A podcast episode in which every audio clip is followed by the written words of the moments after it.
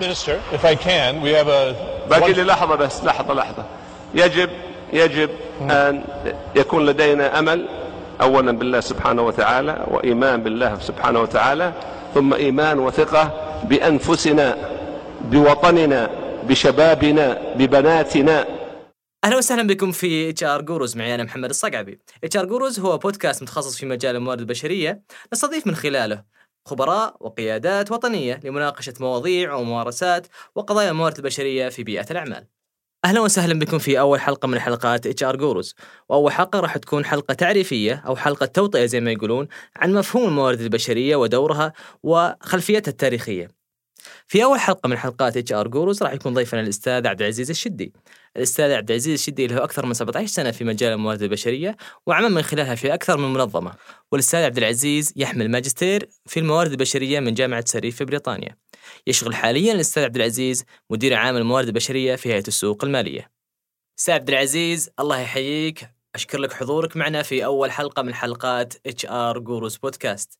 آه، إحنا بصراحة أستاذ عبد العزيز يعني متوسمين فيك خير إنك تكون أول آه، أول ضيف في آه، آه، بودكاست حقنا HR Gurus. الله يعطيك العافية محمد آه، فرصة سعيدة صراحة لي وأتشرف إني أكون الضيف الأول في هذه ال- البودكاست ال- اللي الكل يتطلع لها أعتقد في مجال الموارد البشرية وكثير محتاجينها ويترقبونها آه، راح تكون إن شاء الله إضافة كبيرة لمجال الموارد البشرية وإن شاء الله يكون خفيف آه، ظل آه، وطرح يكون آه، آه، موفق في هذه الحلقة إن شاء الله. إن شاء الله. الله يعطيك العافية.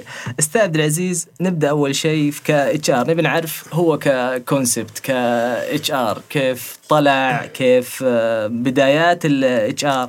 يعني أعرف أول كان قديما كان يسمى آه، قسم الذاتية بعدين قسم شؤون الموظفين إيه. بعدين كبر شوي صار آه، الموارد البشرية والحين كبر أكثر وصار رأس المال البشري. فليش قاعد يتغير الاسم وليش قاعد يكبر الاسم وعلى أي أساس التغيير هذا قاعد يصير؟ صحيح. آه يعني بالبداية أنت ذكرت آه، مجموعة من التطورات اللي صارت في مجال الموارد البشرية. آه يمكن بالقراءات البسيطة في هذا المجال يرجع بنا التاريخ إلى بدايات الألفية السابقة 1910 1915 تقريبا نعم. آه، لما بدأت الثورة الصناعية في أوروبا وكان فيه آه، آه، آه، يعني آه، نظريات الإدارة الحديثة اللي ظهرت في هذاك الوقت في أمريكا وفي أوروبا آه، كان في حاجة إلى التعامل مع عدد كبير من ال- العمال في المصانع وتوثيق بياناتهم والعمل على معالجة طلباتهم أو متطلباتهم. آه، الثورة الصناعية امتدت فترة طويلة آه، يمكن إلى منتصف هذاك القرن. آه، وبدأت بعدها يعني الوعي يزداد عند ال- العمال وطلباتهم صارت أكثر آه، نضج و وارتفع سقف التوقعات والطلبات منهم. آه، دور ال- الموارد البشرية تطور مع منتصف الألفية السابقة إلى أنه صار زي ما نعرفه اللي هو شؤون ال- الموظفين. نعم. آه، بمعنى أنه إدارة الشؤون الموظفين معنية ب بايجاد نوع من التنظيمات للعمال والعمل على آه، الدفاع عن حقوقهم والتفاوض حتى مع النقابات العمالية في في الدول الأوروبية آه، لتمثيل ال- الشركات أو المنظمات. ال- التطور اللاحق طبعا آه، أتى يمكن في في نهاية السبعينات من ال- ال- الألفية السابقة آه، لما صار فيه آه، نظرة جديدة لدور الموارد البشرية وقدرتها على خلق آه، آه، آه، يعني أشكال جديدة من ال- ال- العمل وتنظيم العمال في هذيك الفترة. آه، صار ال- العالم بدأ يتعرف على اقتصاد المعرفة ودور ال- ال- العنصر البشري في خلق هذه المعرفة أكثر من دور الآلات أو المصانع. وبالتالي صار في عندنا قدرة كبيرة على آه، رفع مستوى الدخل للشركات من خلال أفكار أو حتى من آه، ابتكارات من العمال الموجودين. آه، وبالتالي صار في وعي وقدرة أكبر على أنه الموارد البشرية تقوم بدور لتنمية هال, هال هالموظفين وتعريف ال- العالم فيهم أو أو يعني حث المنظمات أو الشركات على الانتباه لهذا الكنز الكبير اللي موجود في عقول الموظفين. آه، فبالتالي نربطها دائما بتغير النمط الاقتصاد آه، في في على مر العصور. فمن العصر الصناعي إلى العصر الخدمات أو اقتصاد الخدمات صار في صار فيه وعي كبير بدور الموارد البشرية. آه هذه يمكن كمقدمة بسيطة. وصلنا إلى هذه الفترة من الزمن لما كان آه بنهاية الثمانينات الميلادية تقريبا أصبح دور الموارد البشرية في المنظمات آه، كشريك استراتيجي لأعمال أي شركة أو منظمة.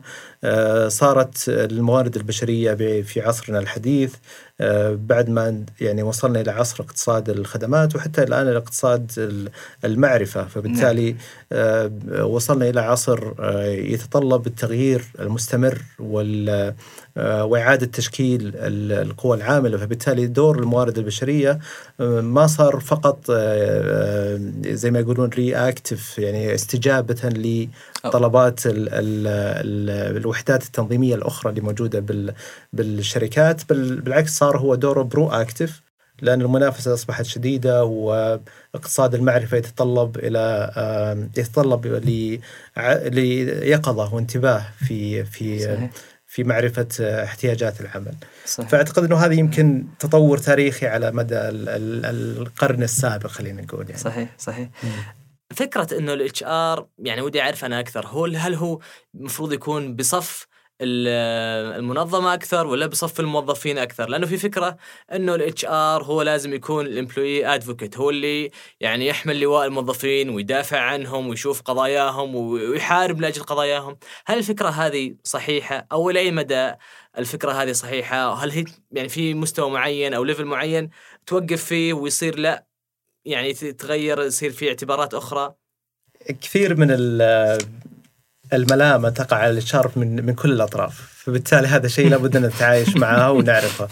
آه، آه، في في أحد الجهات اللي آه، يعني مرت علي السالفة عنها إنه لما سئلوا عن بعض الإدارات سئلوا عن ال HR أو الموارد البشريه في هذيك المنظمه قالوا إنه ال HR في هذه المنظمة too strong too آه، طبعا بالإنجليزي لها معنى سلبي وطاغي يعني نعم. وال strong طبعا القوة القوة الطاغية آه فبالتالي هذا يدلك على وين ال HR آه، ممكن تلعب أو إلى أي حد ممكن تفرض أجندتها على على الموظفين أو على الشركة. آه، باعتقادي إنه التوازن آه، هو لعبة ال HR okay. زي ما نقول مسك العصا من النص. وهذا طبعا يمكن تعبير مجازي لكن فعلا التوازن بين احتياجات الموظفين ومتطلبات العمل آه، كثير مننا يمكن يمر في حالات آه، حتى زميل له في العمل آه، يكون له رغبة أو احتياج مثلا لكن تجد أنه سياسات الموارد البشرية تمنع الشيء هذا وبالتالي بكل وضوح وشفافية لابد موظف الموارد البشرية لابد يوضح الشيء هذا.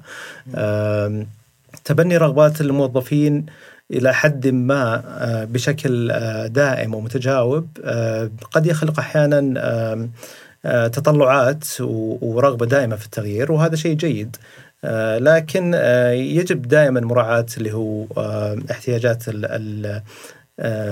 الشركة أو المنظمة اللي تعمل فيها صحيح. بحيث إنه يكون في توازن بين تلبية متطلبات الموظفين والدفاع عنهم وهذا هدف سامي ونبيل أنا أقول في موارد البشرية لابد أن تلعب هذا الدور آه، لكن إلى حد فاصل يكون بين المحافظه آه، على آه، عمل الشركة وإنتاجيتها وديمومتها.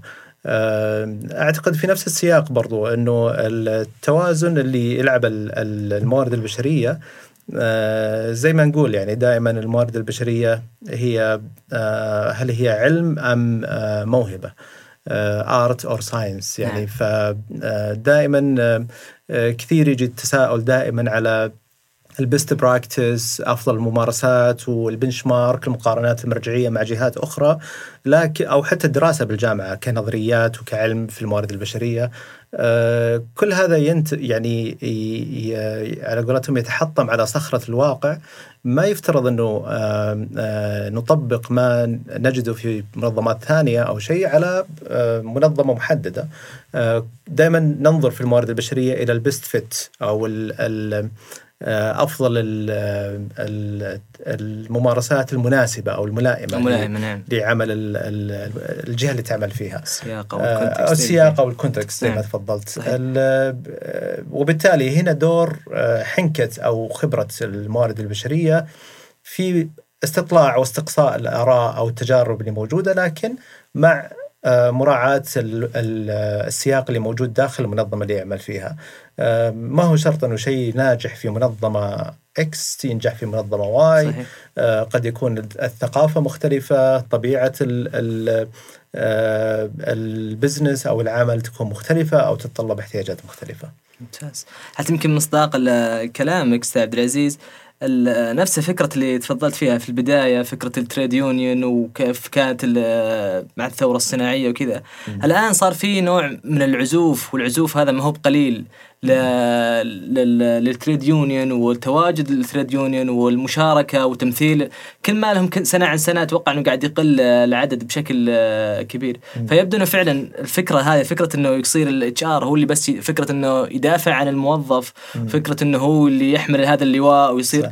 بدأت تتغير وتصير أكثر تناغم يمكن نقول مع ال- مع الوضع الحالي لكل لكل شركة صحيح. أعتقد. صحيح. أعتقد يعني ال- التجارب اللي اللي مروا فيها في في الدول الصناعية في أوروبا آه، كانت يعني لحد ما آه، لم تنتهي إلى إلى نجاح كبير. وبالتالي الآن نتكلم عن عصر السوشيال ميديا والقدره على التواصل آه، بشكل لحظي مع أعداد كبيرة. آه، الوعي اللي زاد الآن بقوة ال ال ال ال الكفاءات اللي موجودة وتعمل آه، فصار المعيار ما هو فقط في قدرة على تجميع آه، الموظفين في في تريد يونيونز بل بالعكس صار كل موظف هو يمثل قوة بحد ذاته آه، متى ما امتلك المهارة والخبرة ال- الجيدة فبالتالي آه، قدرته على التفاوض مع الجهات أو أو حتى الاستفادة من هالقوه التنا- التنافسية اللي موجودة عنده من مهارة أو أو خبرة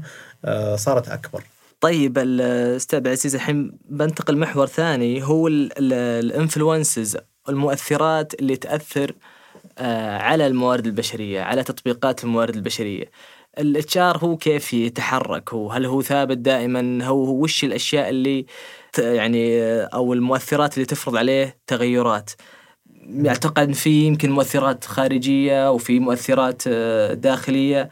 يعني مثلا أذكر قد مرة قريت مقال أيام ال 2008 أيام الأزمة المالية وكذا إنه في إحدى الشركات في بريطانيا اجتمعوا المدير مع الموظفين وجو وجابوا تابوت وسموه HR التابوت هذا وجو وشالوا التابوت وحطوه في حديقة.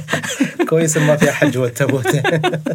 وجو حطوه ودفنوه إنه خلاص. آه، مع الوضع المالي اللي هم كانوا فيه مع الأزمة ذيك. ما في شيء اسمه HR ما في شيء اسمه.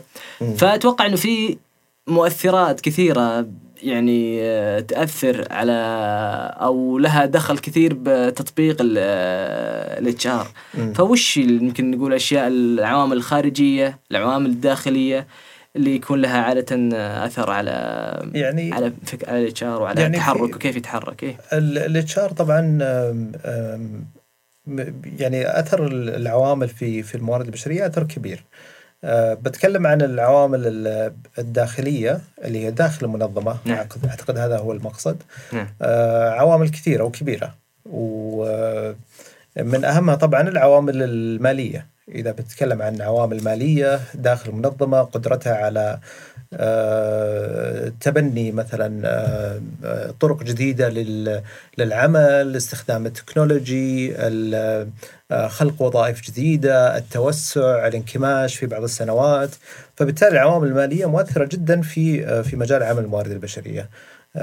لا يمكن أي أحد إنه يعمل في مجال الموارد البشرية وما يكون مهتم أو ملم على الأقل بحدود الميزانية، قدرة صح. على التخطيط صح. المالي، آه، القدرة على آه، مراقبة المصروفات، آه، كل هذه عوامل مهمة في في إدارة الموارد البشرية وتفرض توجهات على الموارد البشرية.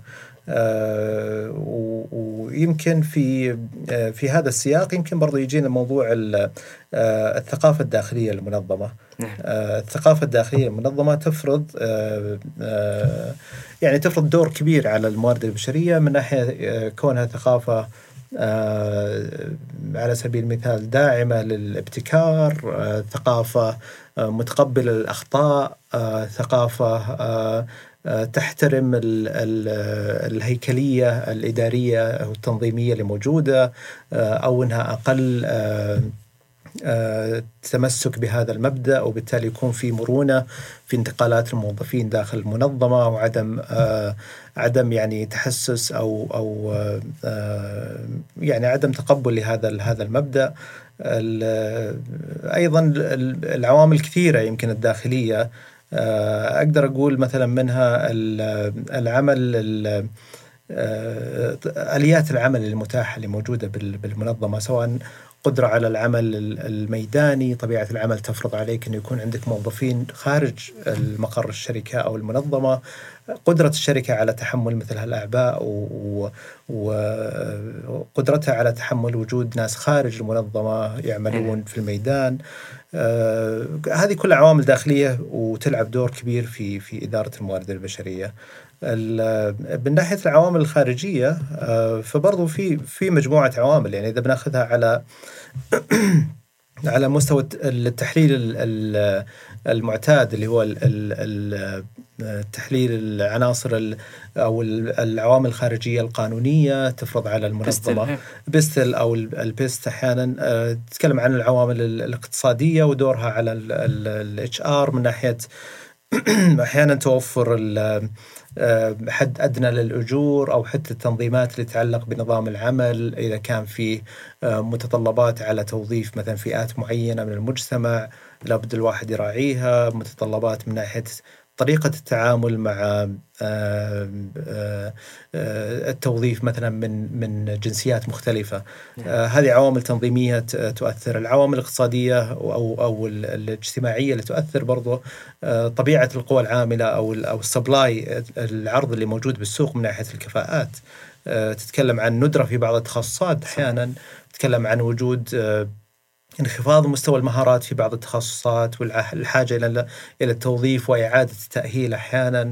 آه، أنت تتعامل مع مخرجات بعض ال- ال- الجهات التعليمية فبالتالي أنت لابد تبني خطة ال- الاستقطاب عندك بناء على المتوفر عندك في في سوق العمل. آه، وقدرتك على إعادة تأهيل بعض آه، التخصصات.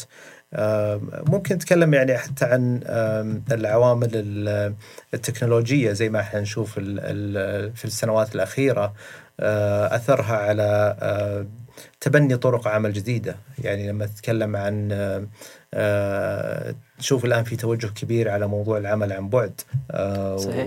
وهذا أحد يمكن بربطه في عامل آخر يتعلق بالعوامل الديموغرافية يمكن آه،. عامل مهم جدا ال- الأجيال الجديدة من اللي داخلين لسوق العمل كلها أجيال نشأت وتربت على وجود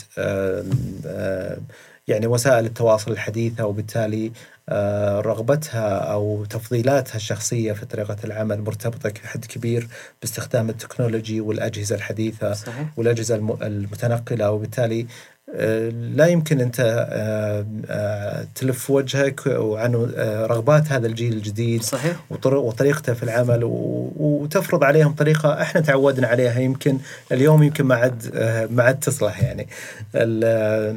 فبالتالي لابد أنك تتعامل مع هذا التغير الديموغرافي. اليوم اليوم العوامل الديموغرافية اللي موجودة من ناحية الشريحة العمرية اللي موجودة اليوم آه، هي شريحة ما أعرف يمكن أنا ماني منهم يمكن أنت آه، محمد منهم لكن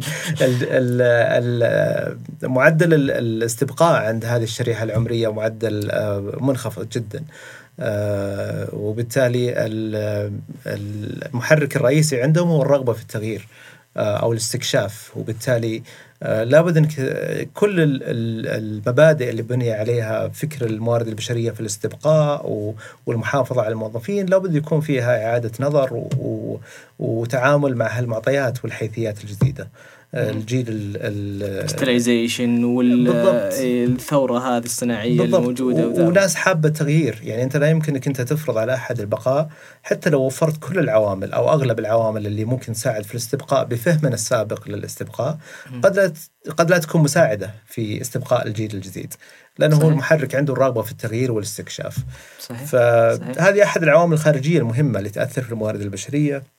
كيف تقدر أنت تتعامل معها كمختص أو أو عام أو أو آه، تعمل في مجال الموارد البشرية لابد يكون دائما عندنا اطلاع وفكر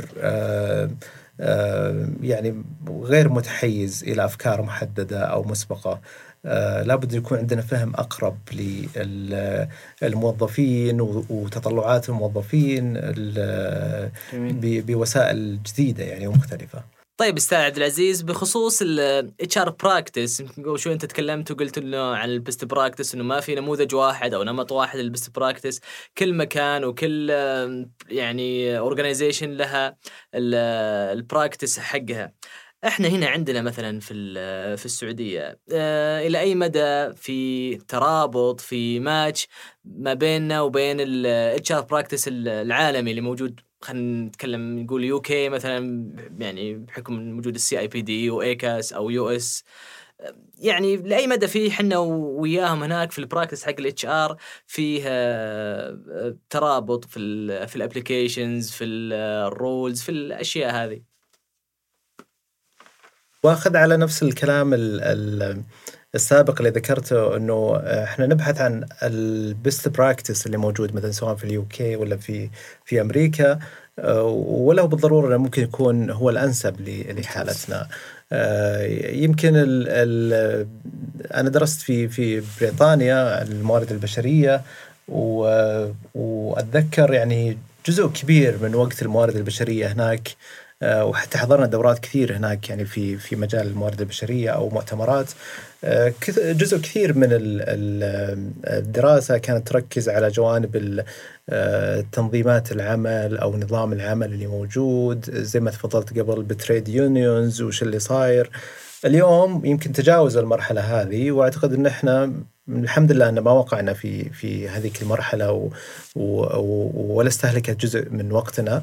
اليوم ال- الترند الجديد اللي موجودة بال بال بال UK أو غيرها في مجال الموارد البشرية يركز على الموظف ال employee experience تجربة الموظف. زي ما زي ما هو موجود عندنا تجربة العميل أو أو ال customer experience اليوم في شيء اسمه employee experience وهذا الفهم وال- والتوجه آه، مدعوم بعدة آه، مبررات. من أهمها إنه إذا موظفك آه، يمر بتجربة جيدة ويستطيع إنه يمارس عمله في ظروف آه، إيجابية وجيده إلى حد كبير فبالتالي هو قدرته على ال- العطاء وعلى إسعاد العملاء والوصول للعملاء برضه بتكون عالية. فبالتالي الالتفات الآن إلى إلى الموظف كونه هو أحد العناصر الرئيسية في آه، جذب ال- الربحية للشركة آه، أو أو تحقيق المنفعة للشركة بأهدافها بمختلف الأهداف اللي موجودة. وهذا الشيء طبعا في جانب كبير نقدر نتبناه واليوم الحمد لله إحنا نشوف آه، أي واحد عنده آه، حساب في اللينكدين يقدر صح. يشوف تجارب جميلة ورائعة موجودة عندنا وفي تنافس إيجابي و ومحفز جدا في بين ال- المنظمات اللي موجودة هنا بالسعودية على آه، موضوع ال- إسعاد الموظفين آه، أفضل بيئة عمل صحيح. آه، تقديم تجارب صح أنا أبارك لكم طبعا في الهيئه. ماخذين أفضل بيئة عمل العام الماضي. آه الله يبارك فيك ال- التجارب طبعا كثيرة ومسعدة ومفرحة صراحة وجود تنافس في هالمجال آه تقديم ال- ال- الموظفين الجدد بشكل آه مختلف ودخولهم على منظماتهم آه وجود آه آه فريق مختص بالتواصل الداخلي وي- ويساعد الموظفين على الاندماج وعلى آه، طرح أفكارهم وآرائهم وتقديم يعني تجربة مختلفة وجميلة للموظفين. أعتقد إنه الموارد البشرية في السعودية اليوم قاعدة تستفيد من يعني من نظيراتها في العالم وجود هال المنصات التواصل الاجتماعي يساعد كثير في تبني أشياء مختلفة. آه، لا يعني ما أعتقد صراحة إنه فيه آه، أي عوائق آه، تمنعنا في في تقديم موارد بشرية متطورة وحيوية وناضجة. والحمد لله البلد فيها كفاءات متميزة ولكن يظل فهم الاحتياج الداخلي للمنظمة وقدرة الموارد البشرية على تبني التجارب المناسبة والملائمة لوضعها الداخلي هنا يكمن الفرق والسر يعني.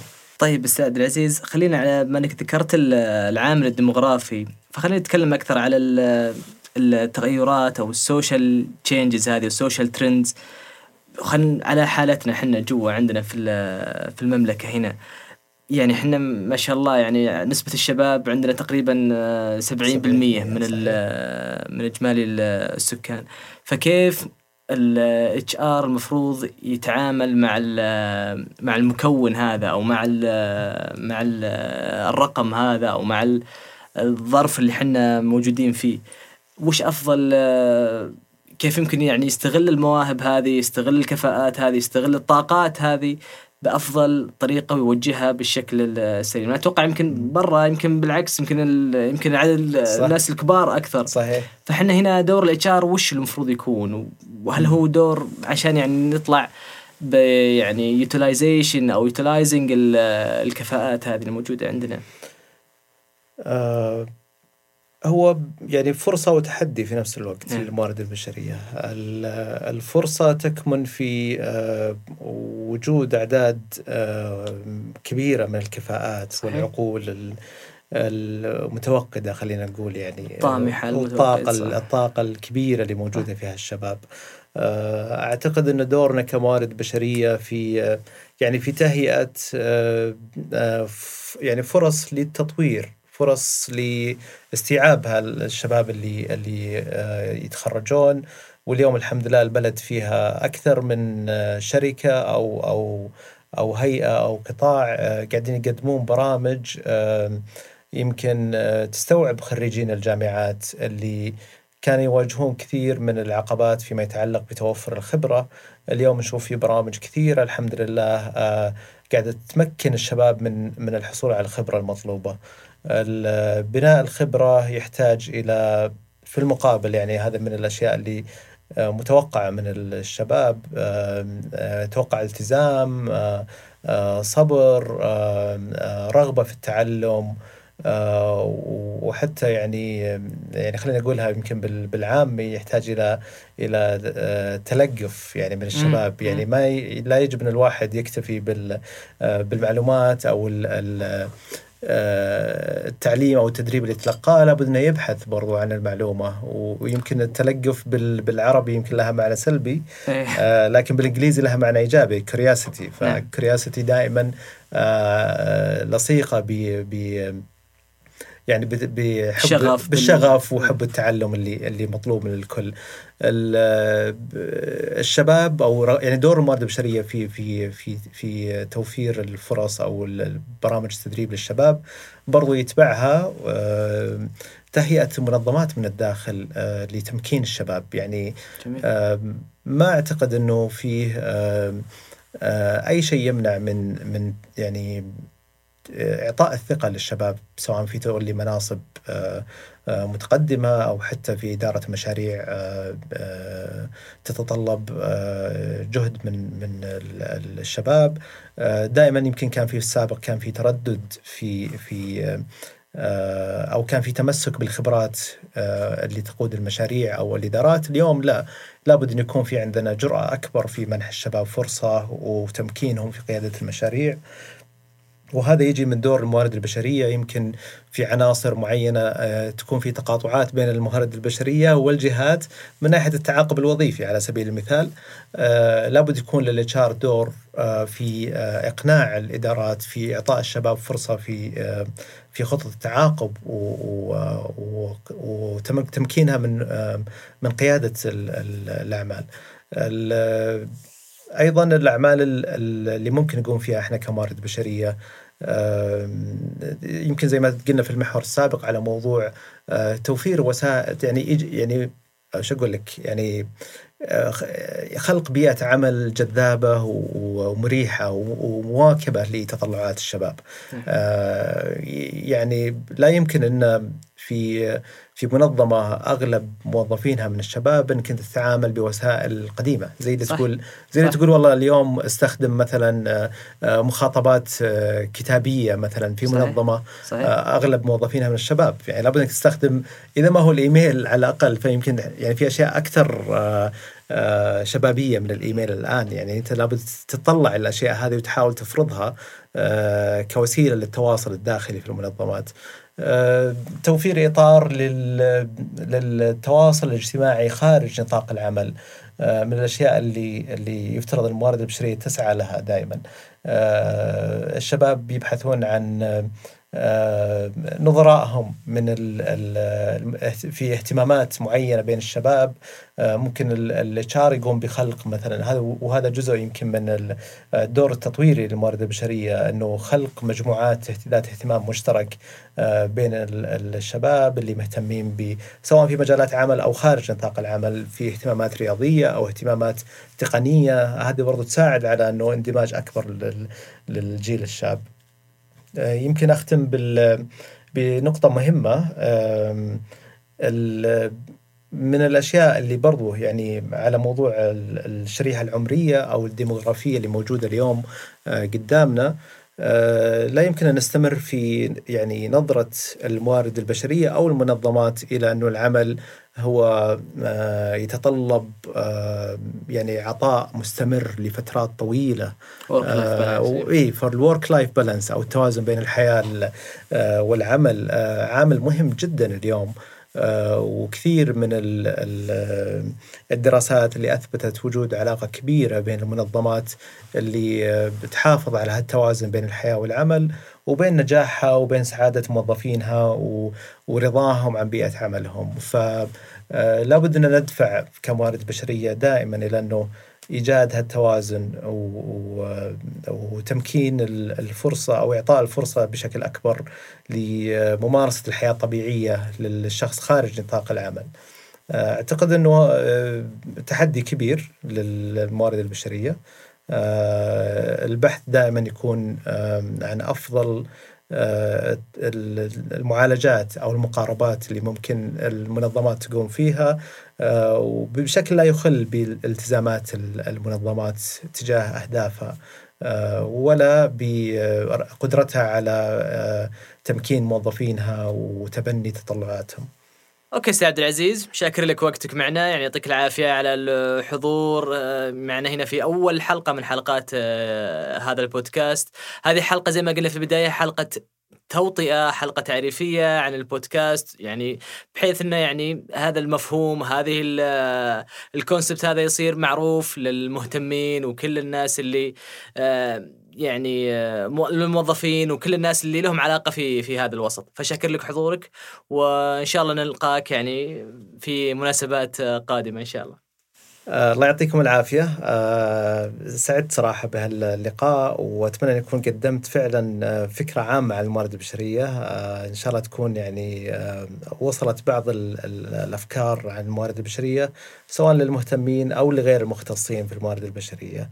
أتمنى لكم التوفيق ومتأكد إن شاء الله أن راح تلقون يعني تفاصيل أكثر مع الضيوف في الحلقات القادمة إن شاء الله آه، عن جوانب كثير في الموارد البشرية وجوانب متخصصة. فشكرا لكم الله يعطيكم العافية. الله يعطيك العافية أستاذ عبد العزيز. كل الشكر والتقدير على قبولك الدعوة وتشريفنا في أول حلقة. يعطيك العافية. شكرا. شكرا. أنا سعيد في نهاية هذه الحلقة أنه كان ضيفنا مدير عام الموارد البشرية في هيئة السوق المالية اللي هي تعتبر من أفضل آه، البيئات في مجال الموارد البشرية. إحنا في نهاية كل حلقة من الحلقات نعمل زي الملخص آه، عن أهم ما ذكرناه في الحلقة. آه، في البداية تكلم الضيف عن الخلفية التاريخية للموارد البشرية ومراحل تطورها حتى وقتنا الراهن وعرفنا كيف ال HR دخل وصار له أثر كبير آه، مع التطور الاقتصادي اللي حصل في المرحلة أو في القرن الماضي زي ما قال. برضو آه، في نقطة التوازن وهو المفتاح زي ما قال ضيفي له التوازن هو المفتاح فعلا فالتوازن ما بين متطلبات العمل واحتياجات الموظفين هو حقيقة مفتاح الموارد البشرية وزي ما قال الضيف الدفاع عن الموظفين أمر سامي ولكن في اعتبارات وفي بعض ال... ولكن في اعتبارات أخرى وفي توازن ما بين حاجات الموظفين ورغباتهم وال business needs خلينا نقول. النقطة الثالثة التأكيد على أنه لا يوجد best practice بالنسبة لل HR في العالم، بل كل منظمة، كل بيئة، كل دولة لها ال best practice الخاص فيها. النقطة الرابعة اللي ذكرها الضيف أنه أفضل وأحسن ممثل عن الموظف هو نفسه وليس أحد ثاني أو طرف ثالث مثل ال trade unions أو مثل أحد أي النقابات الثانية فالموظف هو أفضل ممثل عن نفسه بإمكانياته ومهاراته. النقطة اللي بعدها كانت عن ال influences والمؤثرات. تكلمنا عن المؤثرات داخلية ومؤثرات خارجية. المؤثرات الداخلية كانت آه، مالية وأيضا الثقافة الداخلية للمنشأة. وبالنسبة للمؤثرات الخارجية فهي الوضع الراهن الاقتصادي الموجود فيه ال HR والوضع الاجتماعي وكذلك الوضع أو العامل التقني. في نقطة جميلة ذكرها الضيف اللي هو ال employee experience وإن هي الآن هي أحد المفاتيح في ال HR الحديث. النقطة الأخيرة هي العامل الديموغرافي. أول شيء خلينا نقول أن الأجيال اللي موجودة في سوق العمل الآن هي أربعة أجيال تبدأ من جيل ال boomer generation X generation Y generation Z طبعا جيل جيل ال boomer يبدأ اللي هم مواليد عام 45 و generation Z اللي هم ينتهون في عام 2012 وبما أن إحنا 70% من سكان السعودية ينتمون إلى جيل إلى ال generation أو الجيل Y اللي هو يبدأ من عام 86 إلى 95 فبالتالي نقدر نقول إن هناك فعلا في تحدي لل HR بس برضو في فرصة. التحدي هو إنه خلق بيئة عمل لهذا الجيل، فهم هذا الجيل، وخلق بيئة عمل جذابة لهذا الجيل، هذا الجيل جيل اللابتوب جيل الآيفون جيل ال work life balance بس من ناحية أخرى آه هذا هذا كان التحدي. أما الفرصة هي أكيد انها الاستفادة من الطاقات والامكانيات الموجودة عند هذا الجيل. كانت هذه حلقتنا الأولى من بودكاست HR Gurus نلقاكم إن شاء الله في حلقة قادمة في مواضيع أخرى.